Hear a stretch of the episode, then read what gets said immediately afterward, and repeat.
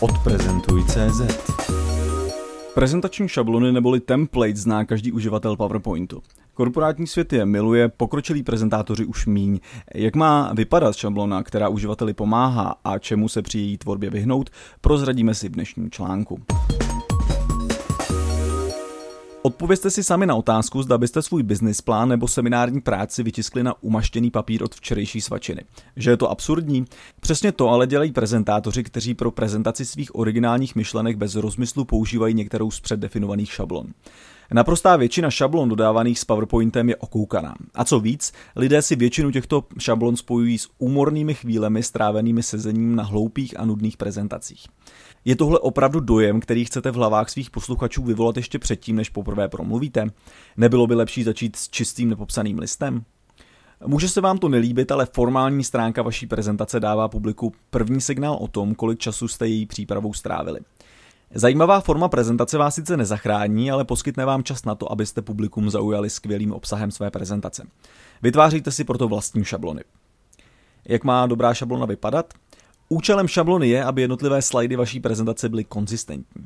Šablona definuje fond, barevnost a rozložení jednotlivých prvků na slajdu. Obvykle se pod pojmem šablona rozumí také grafické kudrlinky, ornamenty, zápatí, opakující se loga a tak dále, které mnohdy samoučelně zaplňují slide. Ano, šablona by vizuální stránce vaší prezentace měla dodat i osobitost, ale tyto okrasné prvky prosím používejte s citem. Pozadí šablony dává prezentaci tón. Podobně jako bíle vymalovaná místnost vyvolává jiný pocit než zelená, působí barva pozadí i na vaše publikum. Upřednostňujte jednobarevné centrální pozadí. Volte buď světlé pozadí, na kterém vynikne tmavé písmo, nebo opačně. Na vysoký kontrast pozadí a textu si dávejte dobrý pozor, abyste při projekci prezentace nebyli nepříjemně zaskočení nečitelností svého díla. S trochou zručnosti můžete pozadí vdechnout jemný barevný přechod v odstínech jedné barvy. Vyhněte se naopak rušivým přechodům několika barev a dobře si rozmyslete i použití průhledných obrázků ve stylu vodoznaku. V prezentaci nepoužívejte víc než dva fonty. Pokud k tomu nemáte dobrý důvod, volte jako základní bezpadkové písmo.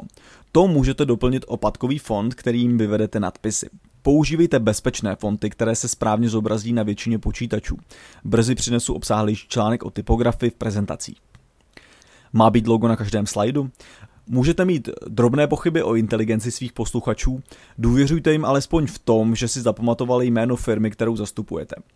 Logo firmy vložte na úvodní, závěrečný a případně na předělové slajdy. Na ostatních slajdech tvoří jen vizuální balast.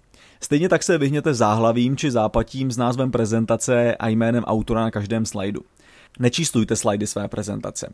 Nejednou jsem zažil prezentátora, který otevřel svou prezentaci v PowerPointu. Publikum si v levém dolním rohu přečetlo, že je čeká 134 slajdů a o ně mělo. Dokážete si jistě představit pocity otrávených posluchačů na slajdu 47, kteří vědí, že čeká ještě dalších 87 slajdů nudy. A jak vytvořit dobrou korporátní šablonu? Ve velkých firmách budou šablonu prezentace používat denně desítky či stovky lidí. Její tvorbu svěřte profesionálům. Vaše grafické studio může poskytnout dobrý vizuální základ. Šablonu samotnou by ale vždy měl zpracovávat odborník, který se vyzná v prezentačním softwaru a v prezentování. Šablona totiž nemá být v první řadě grafickým dílem, ale účelným pomocníkem pro tvůrce prezentací. Naše služby jsou vám k dispozici. Odprezentuj.cz